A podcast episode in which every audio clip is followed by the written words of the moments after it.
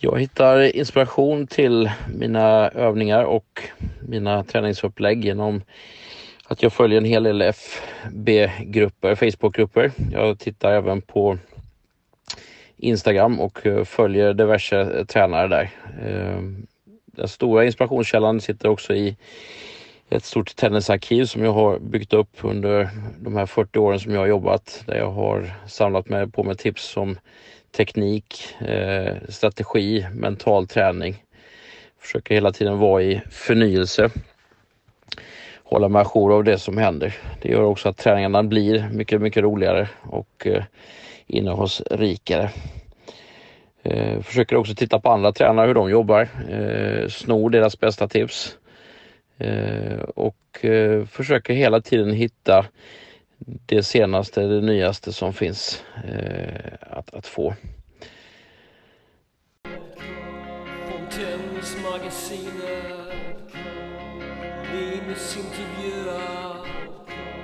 Nytt avsnitt och ny Nu är det från magasinet. Det här avsnittet görs i samarbete med Tennisshoppen som är en anrik tennisshop som ligger i hjärtat av Göteborg och drivs av Magnus Gusten Gustafsson och Björn Renqvist. På tennisshoppen.se så har ni möjlighet att få 15% rabatt på ett helt köp om ni använder rabattkoden TennisLinus.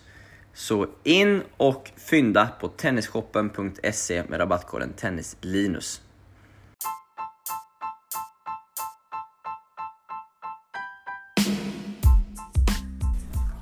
Idag så träffar vi Anders Larsson. Anders började sin tränarbana i Lerum som 15-åring. Direkt efter gymnasiet blev han chefstränare och blev kvar i Lerum i 25 år. Under de här åren fostrade Lerum en mängd duktiga spelare. Ett otal SM-guld plockades hem och både herrar och damer fick världsrankingar, bland andra Björn Renqvist. Efter Lerum har Anders varit verksam i Särö LTK, Torslanda TK och är idag coach på GLTK.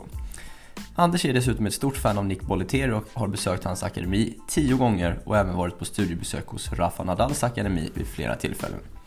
I det här avsnittet berättar Anders bland annat om framgångsfaktorerna under åren i Lerum, fördelar och nackdelar med team, hur mycket tid en tränare behöver lägga av sin fritid för att hjälpa en spelare ordentligt i dennes elitsatsning, hur Anders under alla år orkat stå i snitt 10 timmar per dag på banan och varför han gillar Nick Bolletieris akademi och hans spaningar därifrån. Vi lyssnar på Anders Larsson.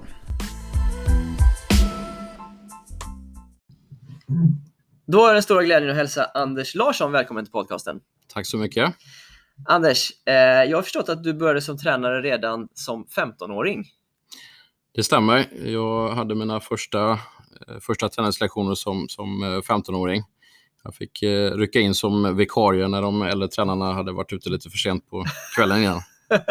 Tidig lördag morgon. Ja, just det. Men det är ganska tidigt. Hur, hur, liksom, hur var det med auktoriteten i början? När man är ändå ganska ung. Det var lite tufft i början, eh, framförallt eh, med jämnåriga. Eh, det gick faktiskt lättare med vuxna. Det var på lite större distans kan man säga. Ja. Men eh, kom in i det ganska fort. Jag fick ganska många timmar väldigt fort också att öva på. Just det. Du var i Lerums tennisklubb. Jag var i Lerums tennisklubb. Ja. Eh, det var där jag började, absolut. Spelade du själv eh, tennis fortfarande då, när du började som tränare? Eller hur? Ja. Jag kom egentligen från en aktiv karriär i, i bordtennis. Eh, jag hade spelat bordtennis till jag var i princip 15 år och satsat allt, allt på det. Ja. Men sen hamnade jag på tennis, tennisen istället och hamnade där på en utmaning. Det var en klasskompis som, som ville utmana mig att spela tennis och jag trodde att jag kunde spela och när vi, när vi spelade så vann jag väl fyra bollar eller fyra poäng i första set. Okay. Så efter det så blev jag väldigt biten. Ja, ja. Det var eh, lyckodrag. Eller? Det var det, det var det. Han var snäll den här eh, klasskamraten och spelade med mig eh, varje vecka, varje fredag. Och, efter eh, halvår ungefär så, så vann jag faktiskt mitt första set. Ja, ja läckert. Så att, då blev jag biten och, och verkligen hålla på med tennis. Just det. Och sen så eh, efter gymnasiet, jag gissar att du var någonstans 17-18 år där, så blev du chefstränare i Lerum. Det stämmer. Jag fick chansen väldigt, väldigt tidigt att börja som chefstränare. Eh, det var tre äldre eh, killar som, som höll i, i det här egentligen i klubben, men alla hade sina studier mm. på Chalmers faktiskt, alla tre. Och eh, då fick jag chansen som 18-åring att gå in och kliva in som chefstränare. Mm. Och vi, vad upplevde du det fanns för, liksom, eller vad, vilka bitar var tunga i att vara chefstränare i en så tidig ålder? För det måste ju ändå varit, ja du var inte så rutinerad. Nej, det, det, var, det, det, som var var väl kanske den administrativa delen där. Då hade jag bra hjälp tidigt med de bitarna. Eh, jag stod, jobbade mest på banan. Jag hade nästan 30 timmar av mina 40 timmar på tennisbanan redan då. Ja, ja. Eh, men det var de administrativa delarna som, som, eh, var lite tuffare i början. Och hur funkar det med, med föräldrakontakten och så? Tänk att eh, lätt att bli överkörd. de, de undrar nog många vad, vad, det här var för en uh, ung, ung kille som, som har kommit in där. Nej, det var tufft där i, i första första kanske två åren där innan jag kände att jag var varm i kläderna. Men jag hade, hade väldigt bra ledare eh, i klubben Mm. mm. Bra ordförande som gav mig utrymme och uh, utvecklas. Mm. Och om man tänker sig att man är en ung tränare som, som börjar jobba som tränare eller till och med får en form av ansvarsroll i en klubb. Så här, vad, vad, vad, är viktigt och liksom, eller vad har du för tips till sådana typer när man är unga och ja, är ny i branschen så att säga? Första tror jag är att, att uh, lyssna mycket, att, att försöka läsa in verksamheten. Jag tänker att ge det i alla fall ett halvår att se hur verksamheten ser ut. Inte mm. ha för bråttom med att sätta hur det ska vara, utan uh, helt enkelt lära sig verksamheten, hur den ser ut. Mm. Och lära sig allting vad som gäller med små barn upp till, upp till de vuxna i en klubb. Och se strukturen framförallt till den här klubben. Just det, just det. Eh, och du blev ju kvar i, i 25 år i Lerum. Mm, det stämmer, det var väldigt länge. Ja, det, är väldigt länge. Nästan guldklockeläge där. uh, nej, men det var, jag trivdes fantastiskt bra. Jag jobbar fortfarande kvar i Lerum uh, en förmiddag i veckan. Uh, eh, okay. Det var ju faktiskt 2005 om jag minns rätt nu som jag slutade där. Det, det är ju ett tag sedan. Så ja. fortfarande är jag kvar där. Okej, okay. kanske vi är uppe i 40 år snart då. Mm. Ja. men, men, när man är på samma ställe så lång tid, hur mm hur liksom hittar man motivation år efter år? Att, för jag tänker miljön är ju på sätt och vis likadan ändå. Mm.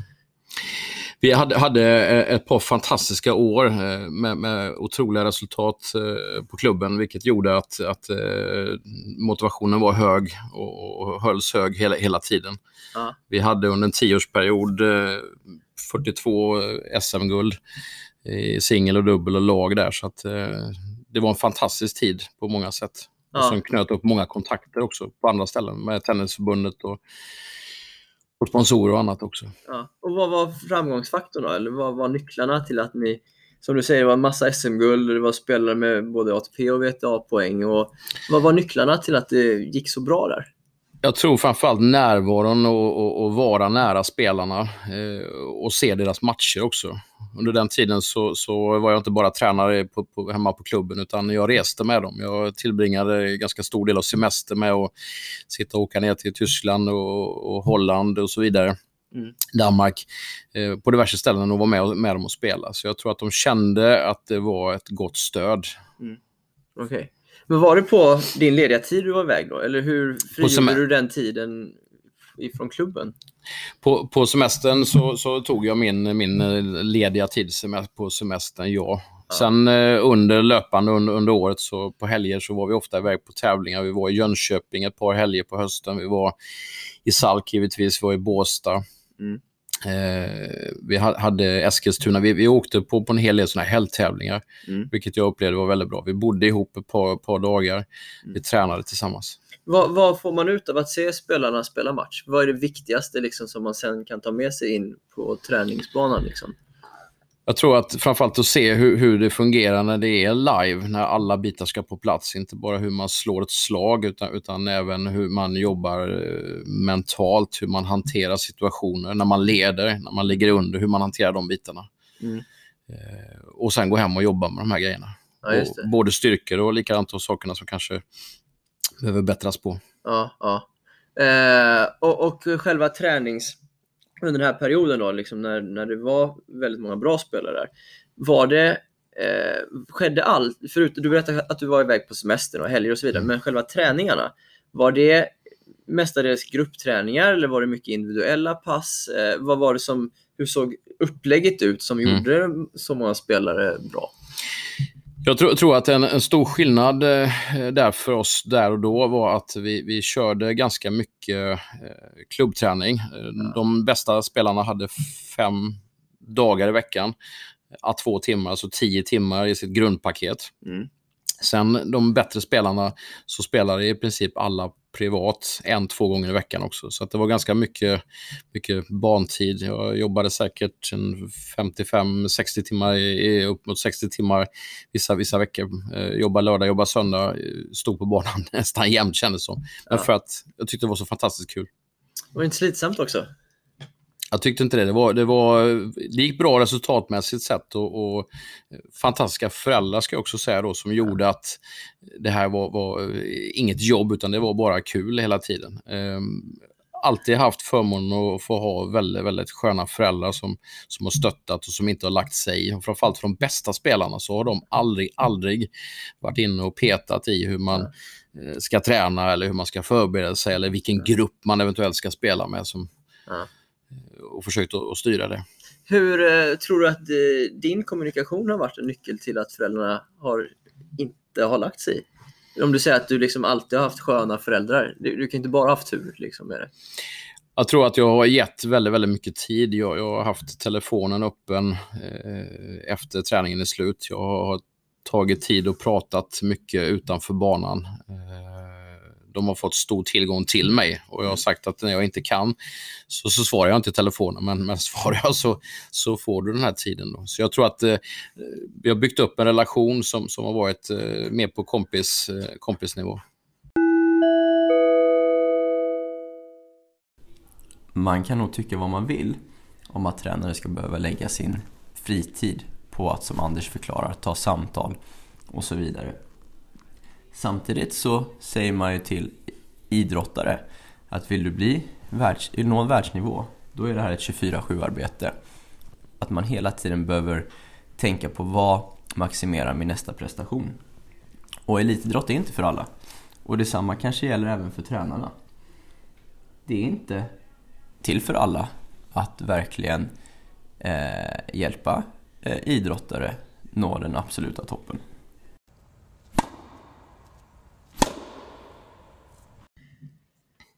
Eh, du var ju under den här perioden i, Lerum eh, coach för två team, om jag förstått det rätt.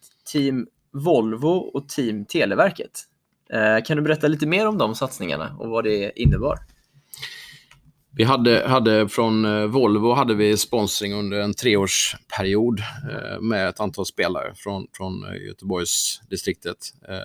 bland annat Björn Renqvist och, och Niklas Timfjord vi hade också eh, ett duktigt tjejgäng som Sia Åkerman höll i. Eh, där vi fick pengar för att resa. Eh, vi var bland annat eh, i Holland och, och spelade. Mm.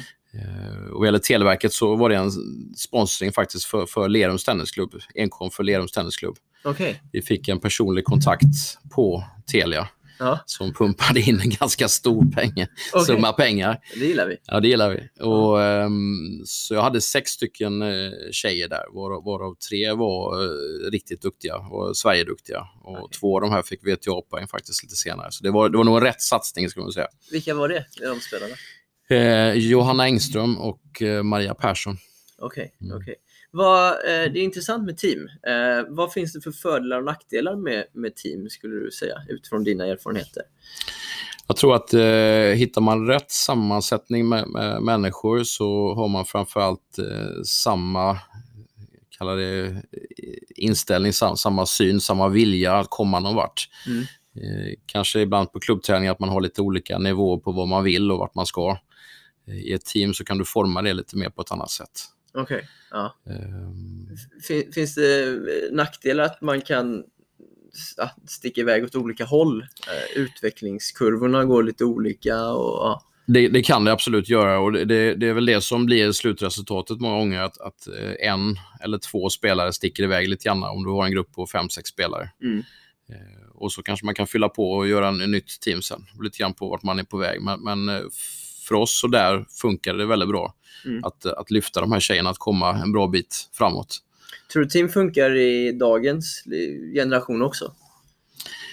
Jag tror absolut att det, att det funkar där också. Jag tror att det kanske är än viktigare idag just det här att, hjälpa, eh, hjälpa varandra. Vi, vi har på GLTK här nu som, som är nu att vi jobbar väldigt mycket med det här att lyfta fram träningskompisen när, när man spelar och tränar. Att, ja. att eh, se till att kompisen är så bra som möjligt för att man själv ska få så bra träning som möjligt. Okej. Okay. Funkar man... det i praktiken då? Ofta tycker jag att det gör det. Vi jobbar en hel del med kroppsspråk, vi jobbar en hel del med, med att gruppen ska vara bra tillsammans. Inte individuella spelare. Det kommer på köpet som en bonus. Mm. Okej. Okay. Eh, för att eh, avsluta lite där, Lerum-tiden. Du, du, en spelare, av spelarna som du hade hand om var ju Björn Renqvist som eh, vann Australian Open som, som junior och var en av de mest lovande spelarna i, ja, i världen, får man mm. ändå säga. Eh, kan du berätta lite om ert jobb tillsammans och vad var det som gjorde han så bra som juniorspelare i dina ögon? Björn var en, en unik spelare eh, i det att, att han eh, från sex års ålder när vi träffades första gången eh, jobbade och gav absolut 100% på alla träningar. Jag, jag, kan inte ens idag komma ihåg att vi har haft dåliga träningar, alltså inställningsmässigt sett. Inte någon? Nej, faktiskt inte. Det, det låter kanske konstigt, men, men, han, var, han var verkligen helt fantastisk. Han var, eh, spelade med allt och alla. Det spelade ingen roll om det var en äldre farbror i 60-årsåldern eller om det var en, en, en eh, jämnårig spelare. Han spelade med allt och alla och fanns det inte det så var det väggen istället. Och hängde runt banorna väldigt, väldigt mycket. Eh, han fick in mycket mängd. Han fick in mycket mängd och det var ju många som var lite kanske oroliga för detta under den här perioden, att, att han spelade lite för mycket.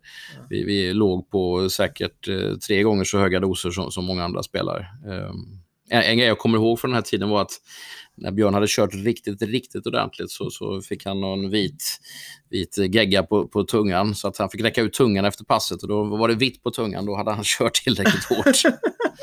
Okej. Okay. Uh, och från ditt håll då, som, som tränare för honom. Uh, vad gjorde du så bra för att ta honom så långt som juniorspelare? Jag, jag, tror att framförallt eh, jobba med olika eh, strategier på banan, hur han skulle använda banan. Eh, vi jobbade teknik, men vi jobbade framförallt med vart han skulle slå bollen på banan. Björn var ingen stor spelare. Han blev, han var färdigväxt 173 cm lång, vilket inte är jättelångt, men eh, han fick exempelvis slå sin ungdomsidol Michael Chang till slut, också 1,73 lång. Världstvåa dessutom. Ja, eh, men Eh, jag, jag, känner att eh, Björns, eh, Björns sto, stora grej där var att, att, han försökte alltid göra sitt bästa i alla situationer. Mm. Eh, när, när, han nådde ju så småningom, han blev 146 tror jag, eh, i världen som seniorspelare. Det stämmer. Eh, hade han behövt större vapen för att ta sig in på topp 100? För det... Björn var ju en fighter ja. som byggde sitt spel på, han var ändå relativt defensiv, mm. eh, byggde sitt spel på säkerhet. Eh, vad hade behövts mera? Det hade behövts eh, två saker. Med, med, lite eftertanke nu så skulle vi övat eh, ännu mer på serv. Eh, utnyttjat eh, den lite mer trots sin längd, att, att jobbat mer med serv. Eh, vi skulle också försökt jobba mer med att spela mer aggressivt. Mm. Björn var en fantastisk kontringsspelare men, men hade behövt kanske vara lite offensivare när han fick lite korta bollar i mellanplanen. Mm. Och när du säger jobbat mer på att utnyttja sin serv, hur hade man kunnat tänka då? Så här, på vilket sätt då? För inte säker att han hade kunnat serva jättemycket hårdare. Eller vad, vad tror du? Jag tror att eh, Björns eh, strategi när han har spelat är att, att försöka bygga upp en, en, en god känsla i, i, i, första set och samma sak när han servar, att han har väldigt, väldigt, väldigt hög procent innan han servar. Mm. Det känns som en lite för stor risk att, att gå för hårdare servar. Så att mm. det har varit en mental resa också att jobba med att gå för serven. Gå för serven kanske också när, när, när jag har 30-0, 40-0, 40-15 lägen, att, att våga mer än att spela en säker server och börja bygga igen från baslinjen.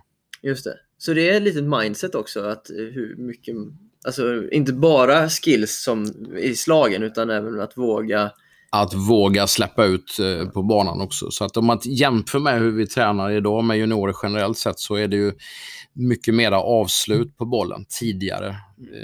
Eh, i Björns era så, så, var det väl till viss del att spela bollen så länge så att motståndaren tycker det är tråkigt och missar hos sig själv. men, men, har det gått ut lite över dagens generations spelares säkerhet tror du? För idag vet jag ju många tränare, inklusive mig själv, kan stå och tycka fan vad de missar mycket. Eller? Man, man, kan känna så här idag, eh, generellt sett, det finns undantag, men, men att, att eh, en, en, större noggrannhet skulle vi behöva. En större noggrannhet i att verkligen få bollen in i banan. Ja. Eh, det ska, ska vara snabba avslut idag. Man är inte, inte riktigt noga med att ställa in eh, kroppen alla gånger, utan gå för bollen väldigt, väldigt tidigt. Ja. Men vad beror det på då? Jag tror att eh, lite grann från, från eh, spelvärlden, att, att man ska ha eh, kul, det ska vara snabbt, det ska vara snabba belöningar. Man har inte ro att stå och nöta 10-15 slag från baslinjen alltid. Nej, nej. Så eh, lite, lite större omsorg med hur man spelar tror jag vi skulle känna på. Just det. Just det. Mm. Eh, för, för, för, att få fram en spelare som, som blir, liksom ändå når en form av världstopp, som Björn gjorde. Eh, tror du att man behöver lägga mycket av sin fritid som coach då? Eller går det att göra det inom ramen av en klubbtjänst? Jag tror eh, att, att du behöver lägga tid ut, utöver. Det beror på vilken typ av, av klubb du jobbar på. Eh, en, en, mindre klubb kanske är mer tillåtande till att göra, eh, göra en, den typen av upplägg, skulle jag kunna tänka mig. Mm. På en större klubb så är det fler spelare och din tid ska räcka till till fler, fler spelare helt enkelt. Ehm, så li, lite lättare där. Ja. Sen är det viktigt att ha ett team, alltså inte bara en tränare. Det är viktigt att ha någon som är duktig på exempelvis den fysiska delen. Någon som kan tejpa ihop kroppen om du går sönder. Eh, det finns flera personer som kan behövas kopplas på, även i yngre åldrar tycker jag. Ja, ja. Jag tror att är man duktig på tennis, teknik och strategi och taktik så ska man hålla på med det. Den som är duktig med den fysiska delen eh, ska hålla på med det. Sen finns det tränare idag som, som har flera olika skills, men jag tror att man ska hitta ett team runt spelarna. I den mån har du jobbat så mycket med de spelare som har, du har tränat som har satsat mer? Liksom? Jag har försökt att, göra det. Jag har knutit upp eh, under årens lopp eh, olika personer som jag känner att jag litar på. Och, mm. och, är det någonting att någon är skadad så kan du vända dig dit. Är det någon som har problem med det så vänder du dig dit. Är det mentalt du behöver hjälp med så kan du vända dig dit. Så att, eh, ja, jag tycker det, det, det känns viktigt. Mm. Mm. Eh, efter Lerumstiden så har du eh, varit eh, ansvarig tränare i, eller du har jobbat i Särö tennisklubb, du har varit i Torslanda och är sedan 2018 på GLTK. Ja, jag fick ihop det där. det var lång. Jag förstår hur gammal jag är nu. Berätta lite om din, liksom, din arbetssituation och roll på GLTK idag. Eh, idag på GLTK så har jag en, ett upplägg där jag är anställd halvtid. Det är första gången på nästan 40 år som jag inte är anställd på heltid, utan eh, jag jobbar halvtid för, för GLTK. Ja. Och sen driver jag mitt eget företag Winning Tennis som ger tennislektioner på resten av tiden. Just det. Och det blir mycket tid på banan har du berättat här eh, när vi sågs idag. Det är många timmar på banan. Idag har jag varit ute tio timmar och det är väl en ganska normal arbetsdag för, för, för mig. Jag, jag, älskar att stå på banan. Det är fortfarande det absolut roligaste jag vet. Vad är det som är så kul med det? Jag tycker det är kul att möta människor. Jag tycker det är kul att se glädjen i när, när någon lär sig någonting nytt. Ja. Eh, kul att se när någon, någon lyssnar och verkligen försöker. Eh, du, du liksom berättade under din tid i Lerum att då stod du också mycket på banan.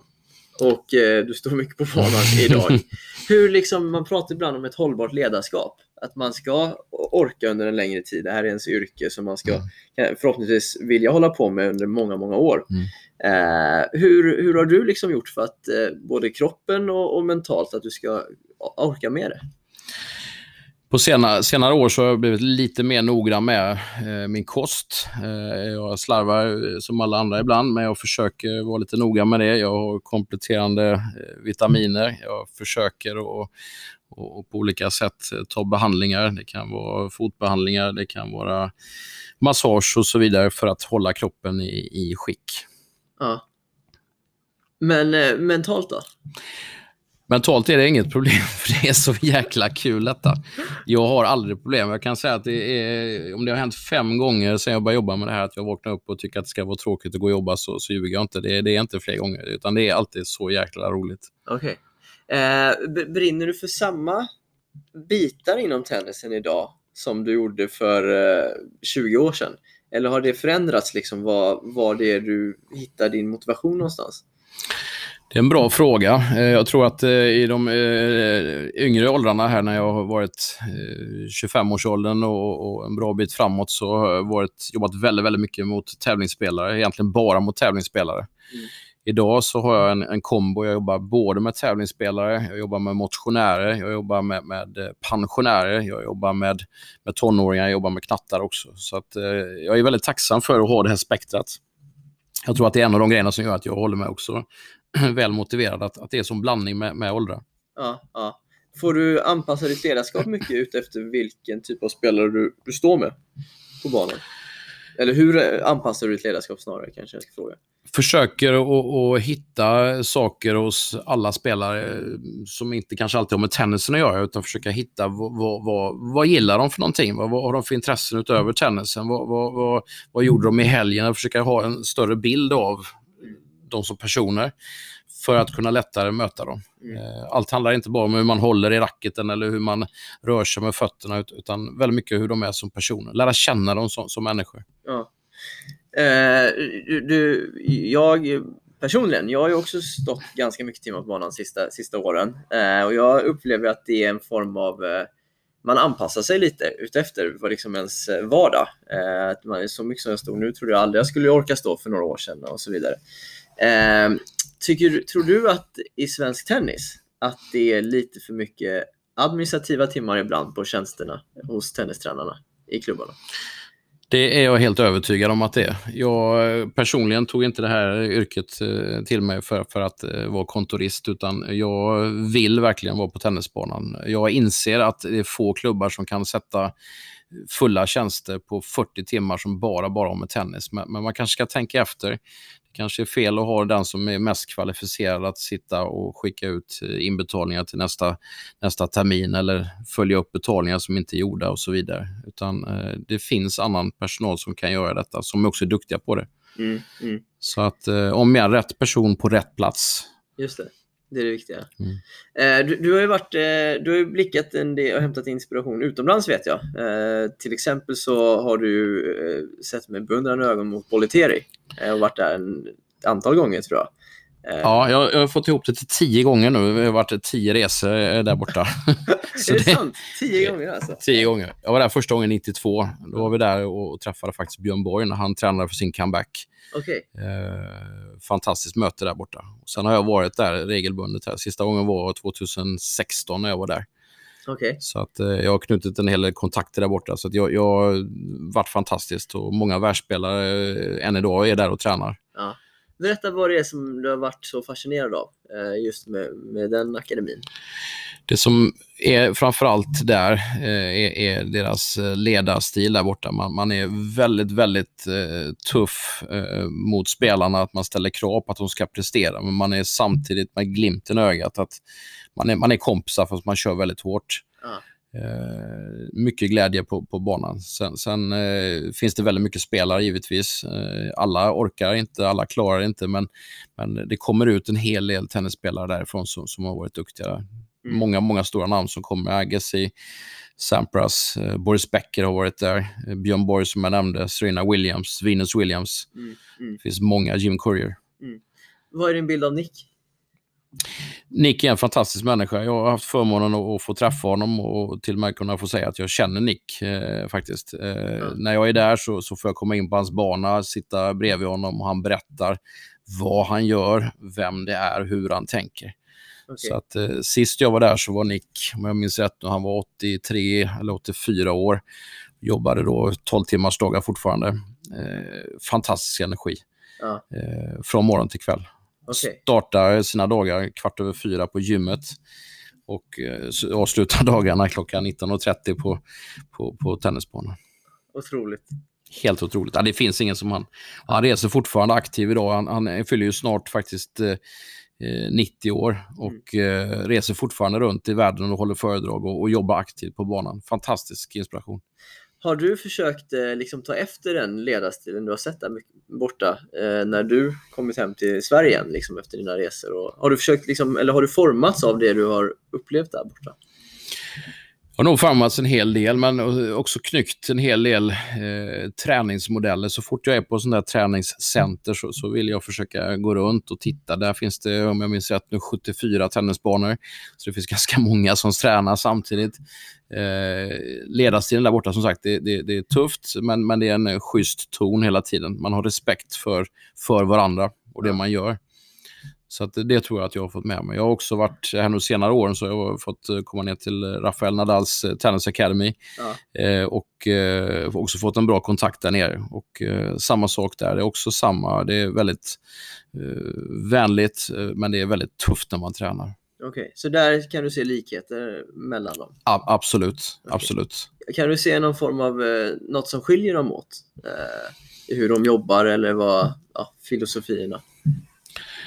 Jag tror att i USA, om man jämför mot, mot eh, nere hos Nadal, så, så, i USA så jobbar man väldigt, väldigt mycket med, med feeding drills. Alltså man, man, man, man eh, har ett par bollar och så får man eh, springa och hämta dem och så får man ställa sig sist i kön. Det låter kanske illa nu med ledtennis, men det är inte riktigt så illa, utan man är kanske två, tre spelare på banan. Ja. På Nadals så är det mycket slå, slagträning. Eh, används mycket färre bollar på, på akademin där nere. Okej. Okay. Eh, antar att du har sett eh, Rafael, Rafa träna också? Jag har haft förmånen att, att få träffa honom också eh, och Tony Nadal där nere. Eh, och varit faktiskt inne på banan. Eh, fantastiska människor, också otroligt vänliga. Ja. Eh, och bjuder in och, och så vidare. Eh, jag hade förmånen, nu sista gången jag var där, så gjorde Nadal sitt sista pass innan han åkte till Paris. Han spelade med Diego Schwartzman. Eh, och sen åkte han till Paris och vann sin sista titel. Hur, eh, vad upplevde du när du så, sett Nadal eh, träna? Eh, vad, vad har utmärkt liksom? Det som utmärker när man står så nära Nadal är att, att han under ett, som ofta spelar, tre timmars pass inte viker ner sig en gång på en enda boll. Det finns inte en enda boll han inte springer på. Jag hade, första gången jag var där, en fantastisk upplevelse. Då var Andy Murray där och, och spelade med, med Nadal. Och, och, det slutade med att Andy Murray fick gå av banan och spy i rabatten. Han orkade inte längre. Är det sant? Det är helt sant. Det var 38 grader varmt. Det var helt, helt otroligt. Okej, okay, wow. Så det, ja jag förstår. Uh...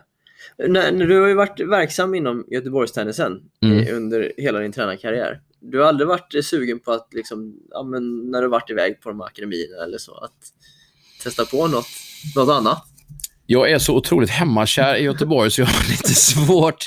Jag älskar att åka iväg ett par veckor eh, där. Jag har fått resa med Tennisförbundet också, varit, gjort lite kaptensuppdrag för dem också. Men, men jag kommer alltid tillbaka till Göteborg. Jag var på väg ett litet tag till, till Norge eh, och jobbade jobba i en klubb där. Eh, men, men kände till slut att det är nog här hemma jag ska vara. ja, det är bra. Va, och eh, när du har varit så många år inom Göteborgstennisen. Vad har du för tankar kring tennisen i Göteborg som region eh, överlag? Eh, jag är glad att jag ser att, att man jobbar lite grann i team. Jag ser, ser Klein Players, som är en grupp spelare som vi har. Jag ser att Gusten gör ett fantastiskt arbete med, med eh, små lidare. Eh, det känns som att man jobbar i små grupper som, som hänger ihop. Det känns som att vi har fler spelare som spelar längre än vad det kanske var förut. Det är min känsla. Mm. Eh, man fångar upp lite tidigare fler spelare. Mm. Tidigare så har man kanske varit lite smalare. Man har haft några få man har satsat på och sen är det någon som tröttnar och någon som blir skadad och sådär. Nu känns det som att det är fler som, som, som, som spelar längre. Mm. Uh, och uh, som till exempel uh, resultatmässigt och så vidare. Tycker du att Göteborgstennisen generellt har presterat så bra som man bör kunna göra? Det kan man inte sitta och säga här. Utan det, jag, jag, det, det, det går, går i vågor. Jag är helt säker på att, att uh, Göteborg kommer att visa sig ännu mer på kartan. Vi har en Davis Cup-spelare här på, på klubben, Marcus Eriksson, så att uh, han, han håller fanan högt för oss. Bland annat. Vi var svenska lagmästare, ska vi inte glömma, här för ett år sedan också, GLTK. Så att uh, vi gör bra ifrån oss, absolut. Eh, men jag tror att det kommer mer. Jag, jag, jag, tror det och jag hoppas det också. Ullevi jobbar bra, GLTK jobbar bra, Påvelund är en annan duktig förening som också jobbar på bra. Använd nu rabattkoden TennisLinus för 15% rabatt hos tennisshoppen.se.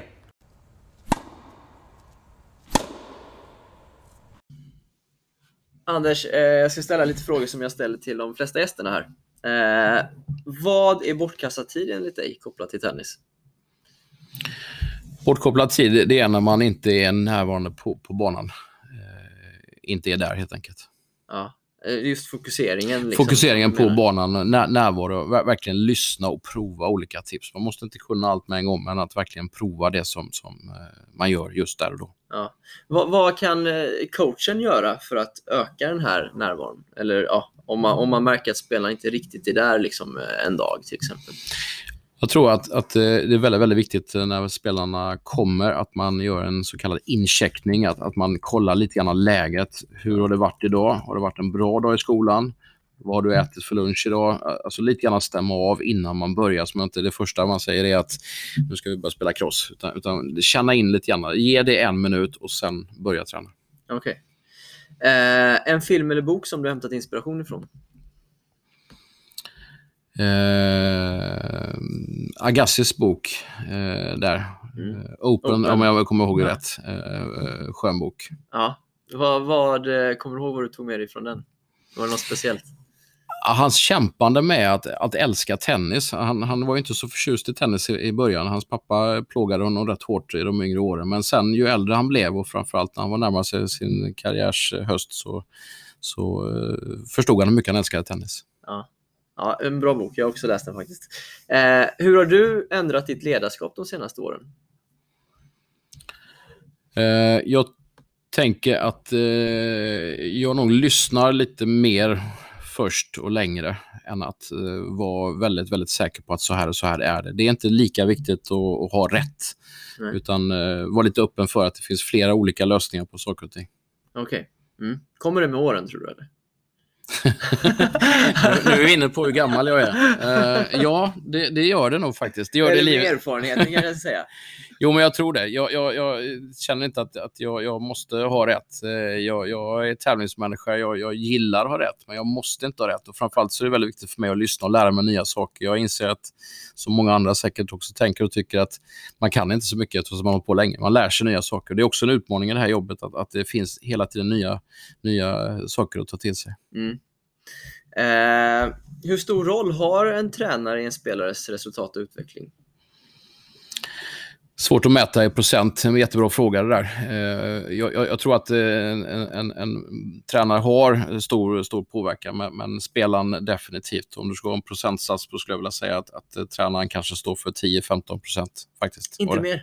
Nej, jag tror inte det. Därför att spelaren måste själv springa, måste själv slå och göra allting. Jag kan visa, men, spelaren måste gö- göra jobbet själv.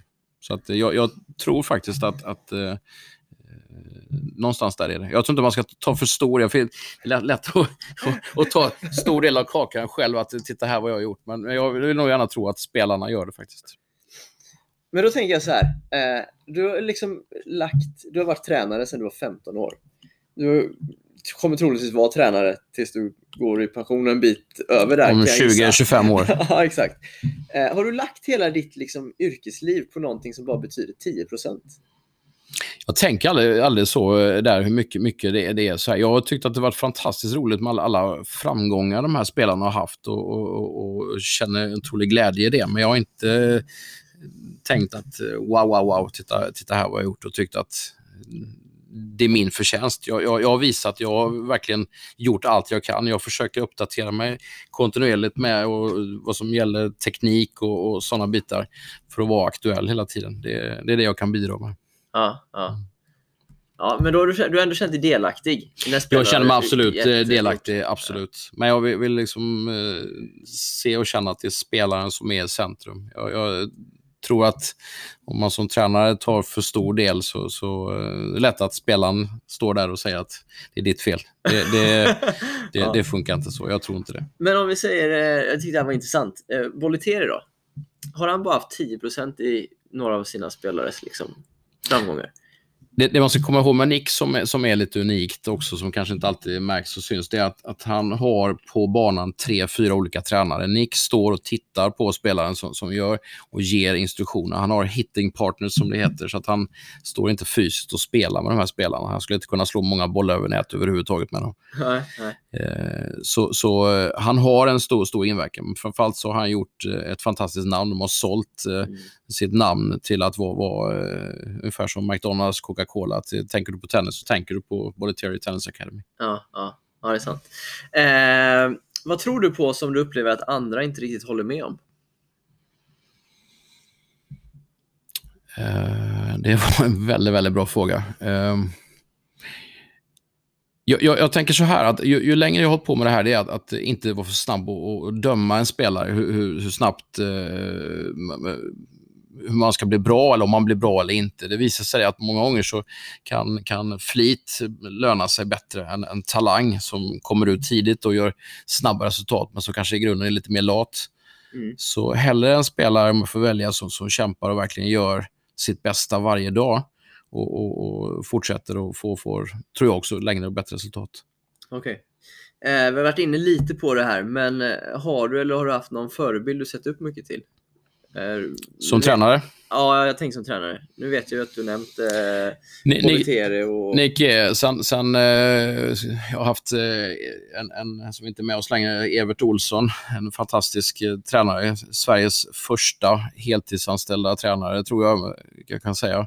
Evert var aktiv på GLTK, eh, varit i Uppsala också och tränat många eh, duktiga svenska tennisspelare, bland annat Kjell Johansson. Okay. Stor inspiratör. Han fick mig nog att fastna i det här på allvar. Så att eh, jag fick tennisvirus, som det heter. Ten tennis for life. Just det. Eh, om du var härskare, Anders, över svensk tennis, eh, den som verkligen bestämde, vad skulle du prioritera att ta tag i då? Jag skulle försöka få fler ut och, och tävla, fler ut och tävla. Eh, också i, i eh, förbundssatsningar att, att tänka brett, och möjligt tänka fler. Eh, risken är att om man går med några få, eh, att det inte blir någonting kvar på slutet. En liksom bred eh, bas? Om möjligt, om ekonomin tillåter, ha lite fler kvar lite längre för att få en bättre, bättre elit längst fram. Okej. Okay. Eh, tycker du att det satsas för smalt ibland, eller? Ibland så kanske man är lite snabb och, och som jag nämnde tidigare, att, att uh, säga att den här spelaren kommer lyckas och, och, och tro på det också hårt. Jag, jag, tror gärna att man ska inte vara för snabb. Uh, jag fick en grej för ett par år sedan som jag tycker är jätteintressant från Bob Brett som är, tränare för, var tränare uh, för, för Boris Becker. Som sa att vi har tre stycken resor vi gör i livet. Tre tennisresor. Den första resan är mellan 6 och 12 år. Mm. Den andra är mellan 12 och 18 år och den tredje är mellan 18 och 28, eller därefter. Okay. Och eftersom jag vet att många inte ens kommer igenom den andra resan så, så, så eh, jag tror att det är väldigt viktigt att, att hitta eh, den här livslånga tennisen. Ja, att, att ja. Eh, stanna kvar. Just det. Eh, slutligen, vill du rekommendera någonting? Alltid göra ett bästa. Eh, hårt arbete ger alltid resultat. Förr eller senare. ja, det är bra Anders. Eh, tack så mycket för att du tog dig tid att vara med. Tack själv.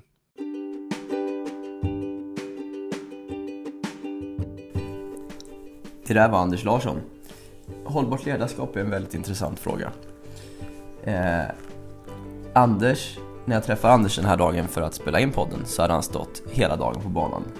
Jag frågade om det var slitsamt och han svarade att det var bara kul. Och det är ju underbart att höra. Eh, det ska vara kul att stå på banan. Men man ska inte underskatta att det också kan slita på en. Jag personligen, som har jobbat eh, en del utomlands, vet ju om att vi står otroligt lite på banan i Sverige. Det är nästan så att det är en liten tävling i vem som kan få till att stå minst på banan i sina anställningsavtal. Och det är ju en lite oroande utveckling om man tänker det bästa för svensk tennis. För tennistränarna borde ju i alla fall vilja stå på banan. Annars kan man tycka att man ska välja ett annat yrke, möjligtvis. Eh, så jag tror att vi behöver effektivisera det administrativa arbetet. Hur många tränare gå, har gått någon form av kurs i hur man jobbar administrativt på mest effektivt sätt. Hur mycket sånt ingår i tränarutbildningarna idag? För vi alla vet ju att det är en del av en tränartjänst. Eh, där tror jag det finns mycket att hämta. Och att kanske göra det lite mer coolt att stå en hel del timmar på banan. Sen ska man inte slita ut sig, men eh, man borde nog i alla fall spendera mer, mer tid där än på kontoret om man har en tränartjänst. Ja, bara några funderingar där. Vi tackar Anders Larsson och hörs snart igen.